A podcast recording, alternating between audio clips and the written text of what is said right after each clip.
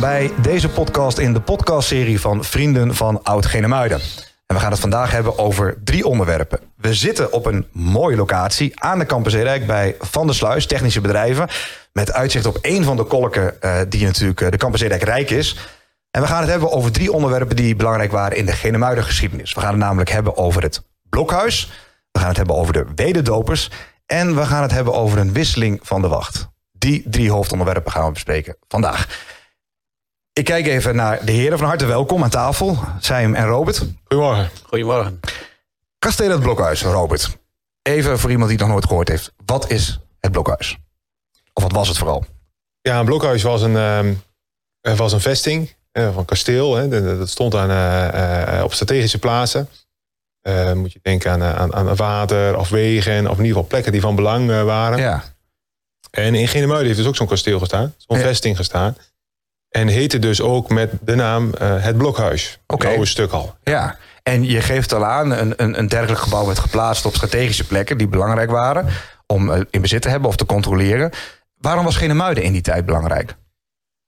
Ja, Genemuiden had een, uh, had een hele strategische plaats in die, in die, in die, in die tijd. En dat, dat kwam door het, het veer bijvoorbeeld, hè, wat een, een hele belangrijke route was naar, naar Noord-Nederland. Ja. Uh, het achterland was veelal onontgonnen. Dus de, de, de route over het veer was, was heel belangrijk. Daarnaast was uh, Genemuiden gelegen aan de monding van het Zwarte Water. Het Zwarte Water was, de, was, was natuurlijk de, de, de rivier die toegang gaf over het water tot Zwolle. Maar Ja. ook een Hanselstad als Hasselt. Ja, een levensader. Het was echt een hele belangrijke plek. Ja. En uh, vandaar zeg maar uh, strategisch in, interessant. En, en, ja, en op die manier kreeg Karel van Gelre in 1521 dus een oogje daarop. En Ja. besloot een kasteel te bouwen, een vesting te maken. Ja. was natuurlijk een doorn in het oog van de, van de bisschop van Utrecht. Ja, die waren een beetje, dat was een tweestrijd, hè? Ja, dus die probeerde, hè, we zitten hier aan de Kamperzedijk, die, die probeerde eh, Karel van Gelder te verdrijven. Heeft Mhm. eh, hier in de regio, hier in, in de, in de Veenriet, heeft ook een veldslag plaatsgevonden. Er zijn heel veel mensen omgekomen. Dat was zijn Waterloo eigenlijk, hè dan? Dat was zijn Waterloo, inderdaad. Ja. Ja. Ja. Het is hem niet gelukt om hem te verdrijven. Dus Karel van Gelder had eigenlijk eh, heerschappij in Genemuiden en in de regio... door, ze, door de plek die hij had. En uh, Genemuiden werd een soort van roversnest. Ja, precies. Nou, de naam komt al een paar keer langs. Karel van Gelre. Gelre, moet ik goed zeggen. Uh, Sam, wie was Karel van Gelre?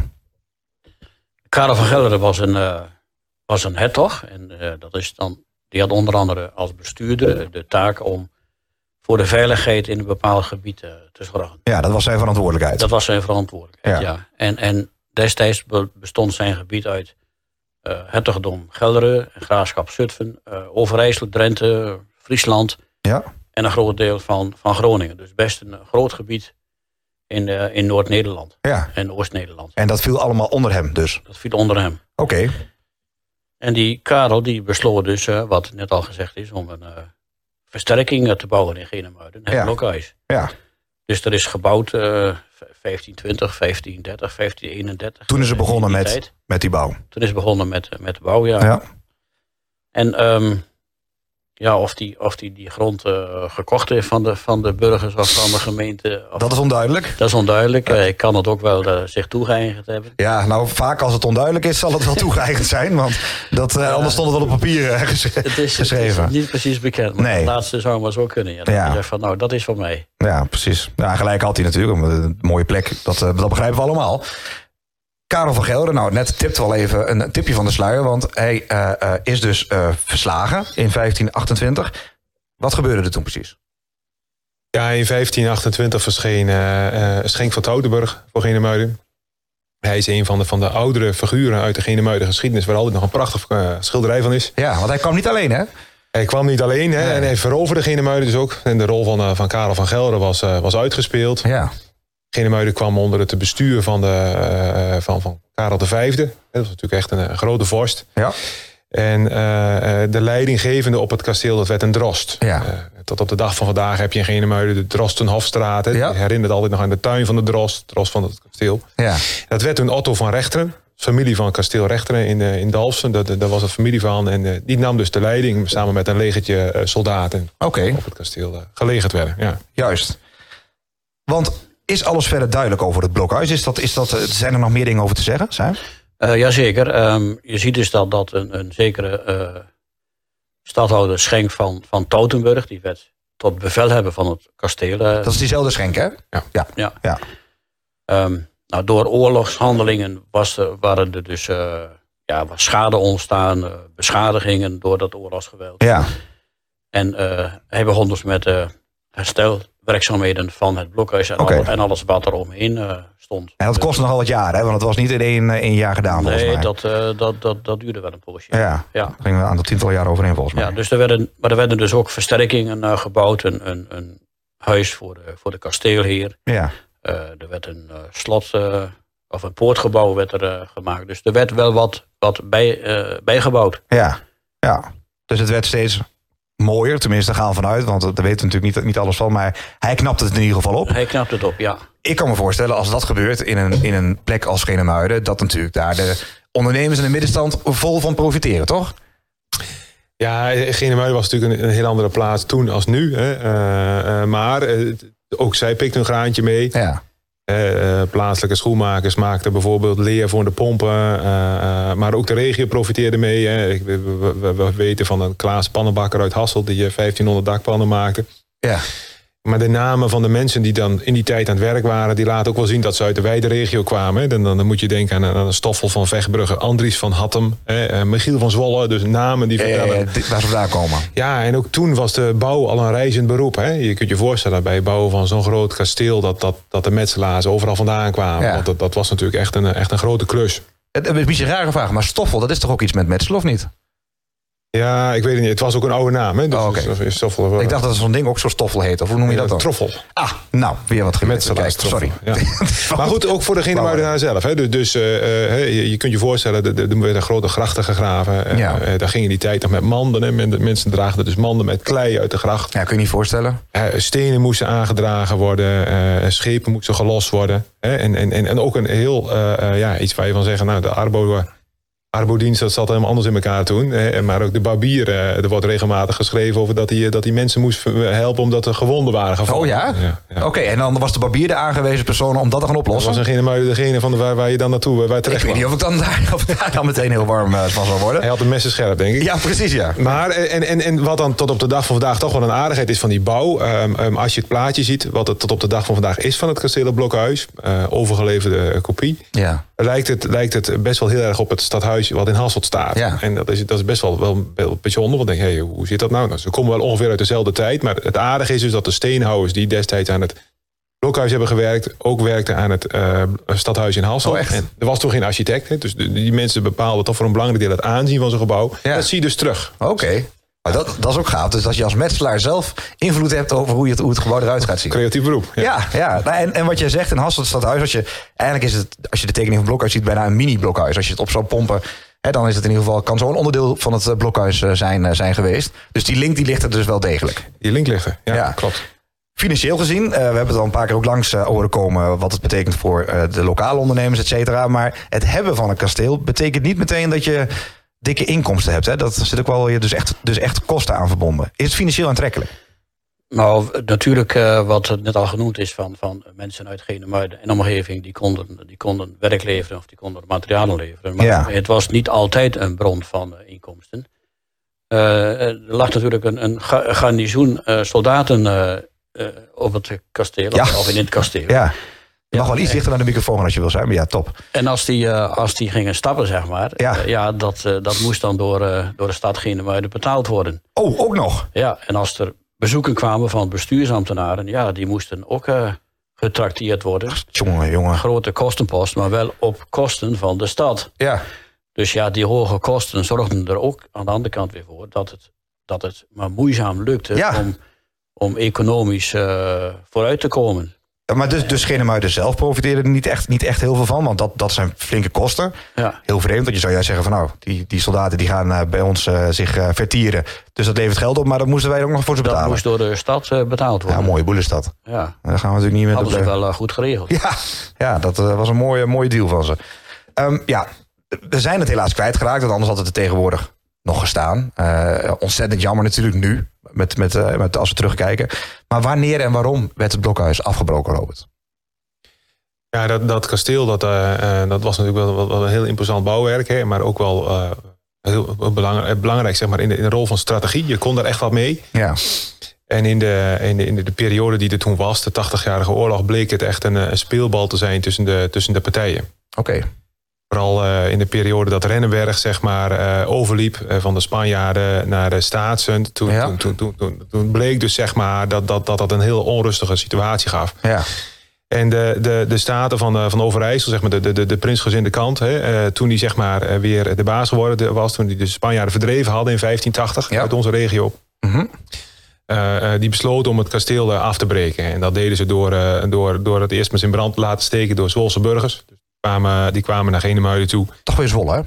En die, uh, ja, toch weer Zwolle. Hè? Ze moesten Genemuiden toch weer... Ja, ja. Om, ja, dat was een gevaar voor ze. Ja, dat werd te groot. Hè? Ja, dat, maar die kwamen dus naar Genemuiden toe, staken het kasteel in brand. Mhm. En dat, dat was toch wel de aftrap voor een... ehm, ja, voor een, voor een hele moeilijke tijd. Hè? Want dat, dat, dat, dat bracht natuurlijk dat het kasteel was weg. Dus, Ja. dus, dus Je hebt geen beheersing meer. er was geen beheer. De soldaten waren er niet meer. Hè? Dus Ja. ze deden misschien wel, wel verkeerde dingen, maar ook wel goede dingen. Het gaf ook wel weer wat bescherming. Ja, structuur. Eh, er waren door die onlust in de regio waren er door de, door de, door de staatsgezinde kant veel Engelse en Franse troepen in onze regio. Die, die zeg maar huurtroepen. Hè? Ja.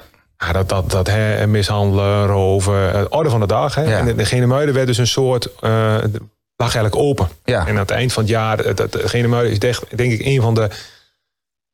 Ja, we hebben natuurlijk allerlei eh, momenten in de geschiedenis gehad die een zwarte bladzij zijn. Maar 1580 was echt een zwarte bladzij. Aan het eind van het jaar, als je leest hoe dat dan was, er waren echt heel veel mensen omgekomen. Eh, het stadsbestuur was weg, eh, het orgel was uit elkaar gehaald, in een kamp opgeslagen. Allemaal omdat het gewoon echt een chaos was. Ja. Ja. En Genemuiden, de, de, de geschiedschrijvers, mensen die zich in de geschiedenis van Genemuiden verdiept hebben, zeggen ook altijd, als je de, de, de bronnen leest, Genemuiden verdwijnt vanaf dat moment uit de landelijke geschiedschrijving. Genemuiden had echt een strategische plek, was een soort sleutelpunt. Hè, Ja, daar draaide ja, het soms ja, om, kwam af en toe naar boven als toch het, het, het punt waar het om ging. En vanaf dat moment verloor Genemuiden toch zijn zijn belangrijke plek. Ja. ja. En dat heeft, dat heeft al geduurd tot de huidige tijd. Hè. Tegenwoordig natuurlijk met, de- met de tapijtindustrie en, en, hè, en dat hebben we toch alweer we hebben al teruggevochten. teruggevochten. Ja. Maar, maar eh, echt geen Genemuiden toch wel een, een, een donker, meer een donkere, donkere tijd in. Ja, ja en, en wat jij zegt, en dat is ook goed dat je het noemt, dat heel veel mensen dat niet beseffen, hoe heftig het in die tijd dus eh, moet, moet zijn geweest. Ja, ongelooflijk. Ja, ja omdat, en ook dat weer om dat weer terug te krijgen. En natuurlijk was dat precies het doel voor het afbreken van het blokhuis, van, ja, dat die positie daar weggaat. Ja, dus dat er geen, eh, geen, niet iets meer is om te veroveren. Ja, ik, ik heb wel eens iemand ges- gesproken die zich zeg maar, met de historie van Genemuiden bezig hield. Die zei van je ziet eigenlijk iedere keer terug dat Genemuiden had, had zeg maar, iedere keer wel een plek, maar het werd niet getolereerd. Hè? Dat, Nee. dat ging op allerlei momenten in de geschiedenis speelt dat op. Ja, Eh, maar dat is ook wel weer grappig. Daar gaan we het later een keer over hebben misschien. Dat je dat verband ook kunt leggen bijvoorbeeld met Urk. Eh, eh, want, want daar zie je het ook als kleine gemeenschap. Maar dat het altijd een beetje een soort van speelbal is gebleven. Maar gelukkig is die gemeenschap dan wel blijkbaar hecht genoeg om zichzelf weer te herstellen. En dat is gebeurd. Wat betekent deze afbraak en deze periode voor, voor Genemuiden? Is daar nog iets aan toe te voegen zijn? Of is dat eigenlijk wat we net ook gezegd hebben? Ja, wat Robert al zei, van het, het was een, een, chaos. Het was gewoon een, een rampjaar. Ja, Na de afbraak van het kasteel eh, ja, bleef er een, een, een woestenij over eh, drassige stukken land. Eh, niemand eh, kwam daar, niemand wilde daar zijn.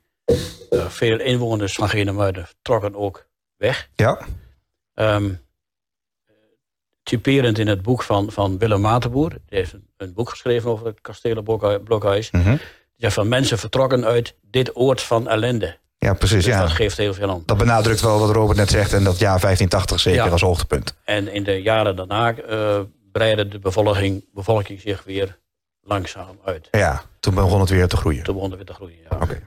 Maar het historisch centrum Genemuiden, is, is daar nog iets te vinden en te zien over het eh, blokhuis?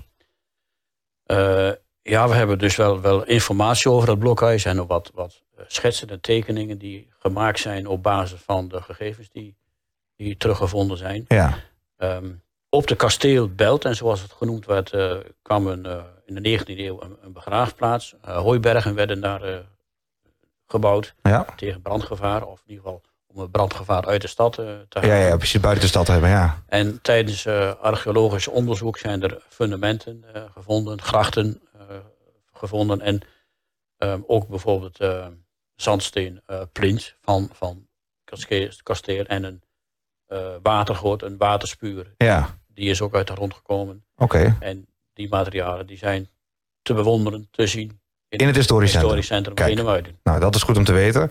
Eh, en ik meen me ook te herinneren dat op de plek waar het heeft gestaan, op sommige plekken je dat ook gewoon nog kunt zien aan de contouren waar waarschijnlijk dan de buitenmuren hebben gestaan, toch? Op de, Dus het- de- waar- teruggebracht in het Ja, straatwerk. Precies, in het straatwerk op die locatie bij de oude begraafplaats of daarachter in ieder geval. We gaan toe naar het tweede onderwerp van eh, deze aflevering met de podcast voor de vrienden van oud Genemuiden. En we gaan het hebben over de wederdopers. En eh, dat klinkt misschien een beetje als een soort van saai onderwerp, maar er is nogal wat gebeurd eh, rond de wederdopers in eh Genemuiden. Allereerst de eerste vraag. Wie zaten er op de schepen die vanuit Holland over het Zwarte Water kwamen? En wat was hun bestemming en waarom? Want daar begint het verhaal eigenlijk. Hè? Ja, het verhaal eh, inderdaad is dat als er op, op, op 21 maart 1534 eh, eh, vertrokken er 30 schepen uit Holland. En die, die kwamen over de Zuiderzee, hè, die er toen nog, nog was. En die, die kwamen, kwamen, kwamen zeg maar overgevaren. En die, die waren onderweg naar de Agnietenberg. Bij Zwolle. Ja, En, en ze waren onder leiding van, van Melchior Hofman. Dat was hun, hun leidinggevende. En die, die had hun een echt een beter leven beloofd. En waarom bij Dag niet de Berg, weten we dat? Waarom ze die kant Ja, op dat, dat, dat zal ik straks even wat Ah. van zeggen. Ze, ze, ze zijn dus onderweg naar, eh, naar Münster. Eh, eh, ze, geloofden, ze geloofden dat, daar, dat ze daar een betere bestemming hadden. Ze hadden alles verkocht wat ze hadden. En ze, ze, ze, ze geloofden dat het einde van de dagen er was. Hè. Dus ze, ze lieten eigenlijk alles achter. Ja. Ja, en ze, ze, ze waren dus onderweg naar Münster. Dat noemden ze het Nieuwe Jeruzalem. En ze geloofden echt dat, daar, dat het daar zou gaan gebeuren. En het, wa- het was, het was een soort van sect. Hè. Het, het, het, week, Precies. het week echt af van, van de geloofsopvattingen van, Ja. van dat moment. En ze noemden zich wederdopers omdat ze de, de kinderdoop, eh, die wezen ze af. Hè. Dus, dus mensen moesten als volwassenen gedoopt worden. En, en veel mensen moesten dus ook opnieuw gedoopt worden. Dus wedergedoopt. Ja, opnieuw. Ja. Ja. Maar wat je zegt, en het klinkt ook heel erg als een secte van het, eh, het einde der tijden. En we gaan, we gaan ergens naartoe om ons daarop voor Dat. te bereiden. Ja. Eh, Hoe ver kwamen de schepen zijn? Nou, ze hebben in ieder geval eh, Münster niet, eh, niet bereikt. Dat is duidelijk. Ja, ehm, toen ze dus deze kant op kwamen, toen, toen kwam er een, een bode die waarschuwde de Zwolse stadsregering en, en de steden Zwolle, Kampen en Deventer en eh, leden van de, van de ridderschap. Mhm. Die stonden, stond, zonden een ruiterij naar, de, naar het bergklooster Ja, om daar de wederdopers te verspreiden. oké. want verspreiden was dan de oplossing om ze uit elkaar te drijven, zeg ja, maar. dat ja. ja. precies. Oké. Ehm, maar ze kwamen eh, niet alleen met schepen, ze kwamen ook over, de, over, over land, over het land. En de groep die was best, eh, best wel groot. De, de, de drost van Graven die, die schrijft in een brief over een grete, grote menigvuldigheid van mannen en vrouwen en de kinderen van de wetendopers. Dus Mannenvoldigheid. een. Mooi woord. Ja, zo staat het in de oude Ja. brief. Oké, want, want je zegt even voor mijn beeldvorming, ook over land. Robert geeft net aan, ze komen vanuit de Zuiderzee. Hoe, hoe, hoe, hoe was de liepen ze dan ook over de kust dan mee, zeg maar? Hoe moet, ik dat, hoe moet ik dat zien? Of is dat onduidelijk? Want ik kan me voorstellen, want het was dus blijkbaar een troep die aankwam met boten en mensen die wandelen. Ze komen vanaf de Zuiderzee, maar misschien dat ze langs de kust kwamen ook. Ja, maar mensen, ik denk, mensen, mensen wonen natuurlijk gewoon niet allemaal op één plek. Dus er zullen Nee. mensen la- zeg maar, inderdaad om de Zuiderzee ingetrokken zijn. Maar wel om zich te verzamelen bij het... eh, bij het dat was het doel, precies. Ja, oké. Dus die eindbestemming, Münster, eh, eh, werd onder andere genoemd. Wat deed Genemuiden dat ze niet verder kunnen? Ten eerste, waarom deed Genemuiden dat? Dat ze gestopt werden en hoe werden ze gestopt? Ja, nou, we hadden het net al even over, de, eh, over, over, drosten en zo. De, de Genemuiden had een drost in die tijd. Vollenhoven ook. en Kampen ook. En, en die kregen dus daar, die hoorden dat, dat, dat die mensen kwamen. En die namen onderling daar contact over op en, en maatregelen. Het verhaal gaat ook, of het wordt in ieder geval wel teruggelezen... dat Genemuiden en Vollenhoven in- zich ingespannen hebben om Kampen ook eh, te, te, zeg maar over te halen... om daar wat aan te gaan doen. Ja, En, en ze hebben dus schepen op de Zuiderzee gelegd om die mensen op te, eh, op te wachten. Mhm. en, en, en die schepen hebben ze dus eh, in, in Genemuiden aan de ketting gelegd. Zeg maar in de haven. En, en, en, en daar, daar moeten dus ongeveer 3000 mensen naar boord zijn geweest. zo.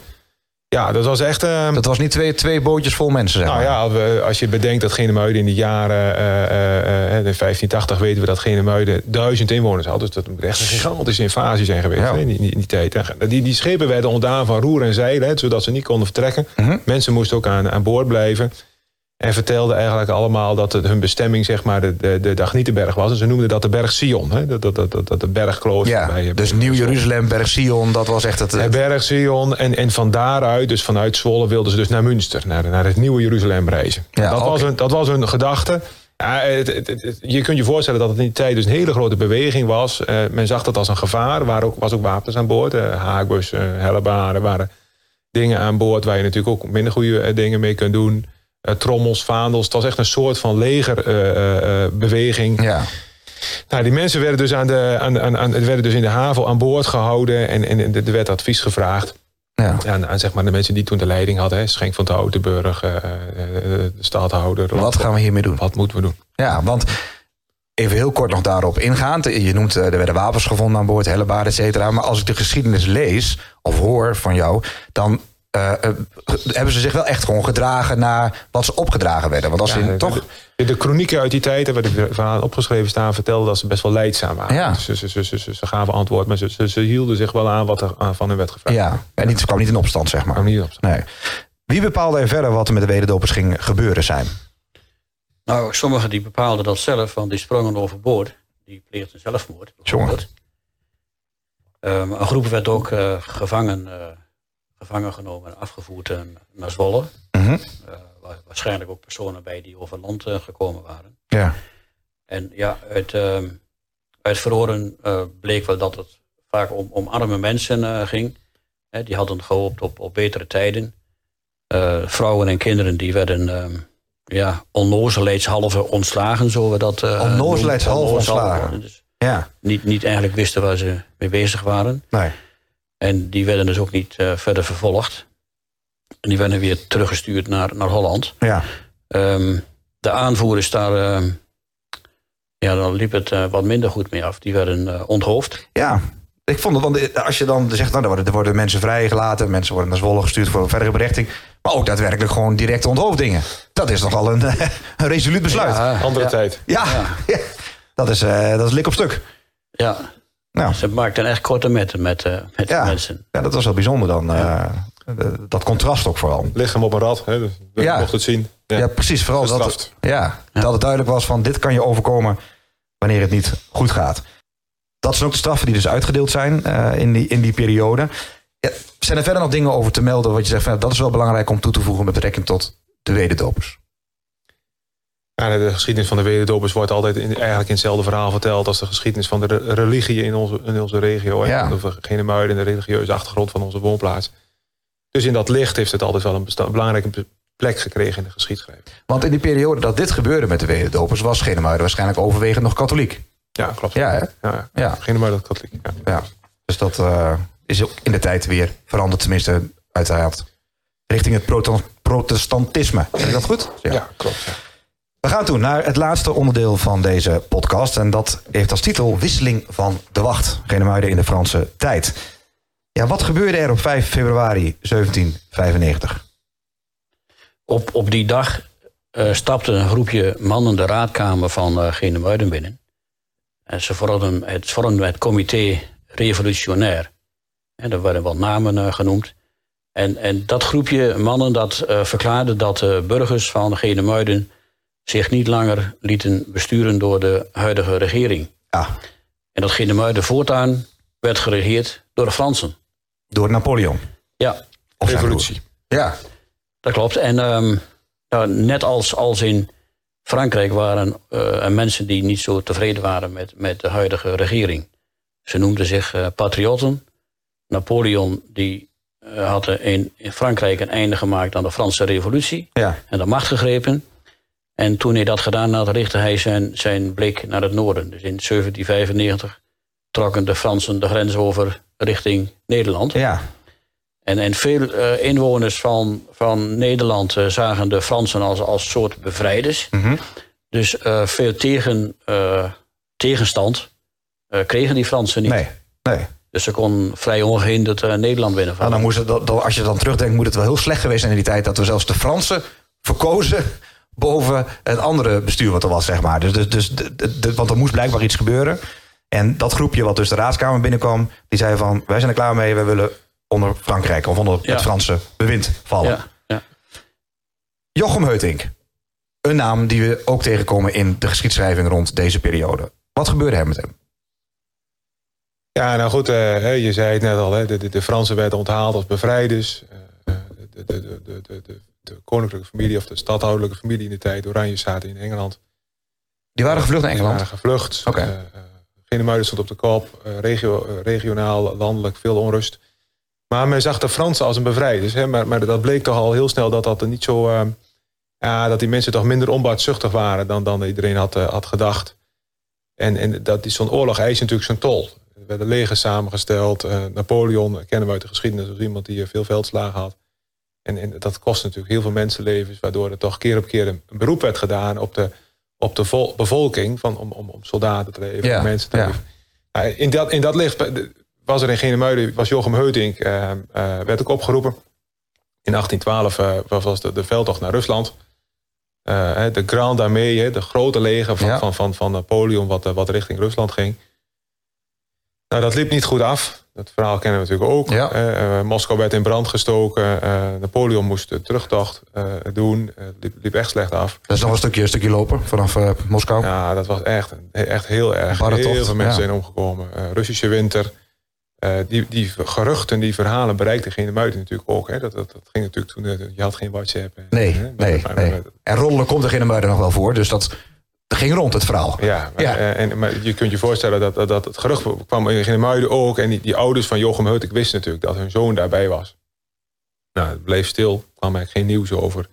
En die mensen die besloten dus om, om, om, om, om hun lot te aanvaarden. In die zin dat ze rouwkleren gingen dragen. Hè klededracht in die tijd. En mensen lieten zien dat ze verdriet hadden. Ze namen afscheid eigenlijk. Ze namen eigenlijk afscheid, maar zonder dat ze hun zoon begraven ja. hadden.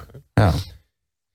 Ja, en die Jochem Heutik, die, ehm, die, die, die, die zat dus ver weg van Genemuiden... en die deserteerde uit dat leger. Die, die, die besloten uh, eruit te stappen, uh, vluchten dus. en, en vond onderdak bij een kasteel in het oosten van Duitsland. En daar, daar probeerde hij weer op verhaal te komen waarschijnlijk als een soort wederdienst heeft hij, heeft hij, hij, was, hij komt uit een metselaarsfamilie. Heuting, bouwbedrijf. Genemuiden, of de, de Heutingen staan tot op de dag van vandaag Genemuiden wel bekend als een dus toen van, ook al. van bouwers, ja. inderdaad. En die man heeft dus als wederdienst heeft hij dat kasteel wat helpen opknappen, metselaarswerk gedaan, bouwwerk gedaan.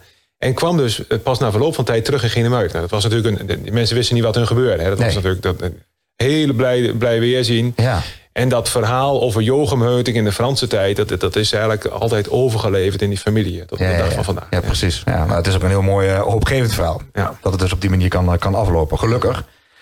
Wie werd er bestuurder in, uh, in Genemuiden, zijn? Ons land werd dus ingeleefd uh, bij, bij het Franse Rijk. Franse wetten werden ingevoerd. grondgebied van, van de gemeente Genemuiden werd, werd vastgesteld. En... Um, wat je dus ziet, dat er ook een, een, een maire aangesteld wordt. Dus een burgemeester en een adjunct. Dat was dan uh, de huidige... Secretaris? Nee, wet, wethouder. Oh ja, wethouder. Oh, ja, ja, En er werd dus ook een gemeenteraad uh, ingesteld. wat wel wat bijzonder is, dat, dat we lezen dat er in 1812 werd er werd een burgemeester opgevolgd. En de nieuwe die heette Charles, Charles Schedius. En dat was... Charles. Ja. Of niet? Dat was als Fransman? Nou, ik, weet niet, ik weet niet over de Fransman. nee, nee, maar, maar niet. Wat, je dus, wat wel bijzonder was, die burgemeester die uh, was verbonden aan een handelshuis in Amsterdam. Mm -hmm. En die was directeur van de fabriek. Oeh. En uh, een jaar later werd hij ook als notaris uh, benoemd. Ik, dus dat, het lijkt op belangenverstrengeling. Maar ja, nou, nu, nu, zal de functie van burgemeester destijds wat anders geweest zijn ja, dan nu. maar veel. ik vond het wel bijzonder dat hij, dat hij ook die functies had. En ook buiten Genemuiden. Ja. ja. In ieder geval van dat handelshuis en, um, en, en uh, directeur van een fabriek. Ja, ja, ja die Charles die was voor meerdere markten thuis. Ja, die, dat, maar dat was ook wel... Je leest ook dat het ook een man was met, met veel kennis. Ja. Dus het was echt wel een knappe kop. Ja, daarom had wel verstand. Ja, en de, de, de verfransing, het zal wel Karel geweest zijn, maar Charles, het was inderdaad al die Fransen. Hè? De- Ja, tuurlijk. Ja, ja maar dat, dat, dat, nou ja, inderdaad, dat wou hij graag door. Maar bracht het nieuwe Franse bestuur wat de mensen gehoopt hadden, wat ze verwacht hadden? Nou, we, we hadden het net natuurlijk al een beetje over het leger, hè, Ja. over wat er gebeurde. En, en, en, en, en zo, zo, zo, zo, zo- omwentelingen, revoluties beginnen vaak met de gedachte van beter. En we gaan, we gaan het allemaal beter krijgen. Nou, we kennen ook uit de geschiedenis dat dat heel vaak tegenvalt. Hè, dat dat eh, wat, wat gewoontes en dingen, ook men- nieuwe mensen hebben. Het zijn ook allemaal mensen. In 1806 werd eh, Lodewijk Napoleon koning van, van Nederland, Ja. van Holland. van, van ons land. Dat was een broer van Bo- Napoleon Bonaparte. Mhm. Was de Nederlanders welgezind. Bracht al in 1809 een bezoek aan Genemuiden. Dus Ja, dat las vrij ik, ja. snel nadat hij koning werd. Dus een broer van Napoleon is een Genemuiden geweest. is in Genemuiden geweest. Deed veel voor de Genemuiden bevolking. Was betrokken. Kwam daarom ook onder, in het land. eh, Kwam ook in Genemuiden. En hij was wel positief over Genemuiden. Zegt, Er wonen duizend, eh, eh, duizend mensen. Dus duizend inwoners. Dus- Maar de, de, hij had toch een inkomen van 10.000 gulden in die tijd. Ja. Dus hij vond dat wel. hij zegt, nou, je, je doet het goed. En de gemeenteraad, de, de mensen die toen geen muiden bestuurden, hebben toen op dat moment wel aangegeven dat de weg van Kampen naar, van, van Kampen naar Genemuiden wel, wel nodig onderhoud moest hebben. Want Ja. Ja. Genemuiden had niet zoveel toegangswegen. Hè? Nee. Dus zo'n weg was van heel groot belang. Nou, dat is de, de Kamperzeedijk die hier vlak langs loopt waar we nu. Inderdaad, hè, hier, en, en, en hij zei dus toe, ik ga dat verbeteren. Ja. Dus dat, eh, maar het, het, het, het, het- de kortom, het bracht niet, hè, de, de vrijheid, Nee. gelijkheid en broederschap, hè, de, de teksten die we kennen, dat bracht niet wat we ervan eh, van verwacht hadden. En, en ja, in 1813, hè, dus na, na de Franse tocht, hè, wat we net of de, hoe heet het, de, de tocht naar Rusland, Ja, net, het, ja. brokkelde dat echt af. Er waren veel mensen die, die verdriet hadden, omdat er iemand gestorven was hun omgeving, gesneuveld was. eh, eh, eh, en er was veel geld verdwenen uit Ja, de kas, ja. uit de, uit de kas eh, van, van, van de stad. Achterstallig onderhoud, dus eh, ja, Veel ellende eigenlijk. het bracht absoluut niet wat, Ja. wat er van verwacht was. Door, En eigenlijk door zie een deel van de bevolking. Ja. Precies. En hoe bleef eh Genemuiden dan achter naar dat Franse bewind? Nou, Genemuiden, net als de rest van Nederland, die eh, bleef ehm, toch wel eigenlijk berooid achter toen, Ja. toen de Fransen eh, vertrokken. Ja, wat Robert eigenlijk zei. Eigenlijk, is, eigenlijk hadden ze een beetje ook de, de, de tactiek van de verschroeide aarde eigenlijk. Want ze, ze lieten toch ook dan verwoesting achter of niet uiteindelijk? Of was dat, wat viel dat nog mee? Nou ja, je leest dus dat ze het land berooid achterlieten. Ja, dus er was, ja. was natuurlijk wel wat aan de hand.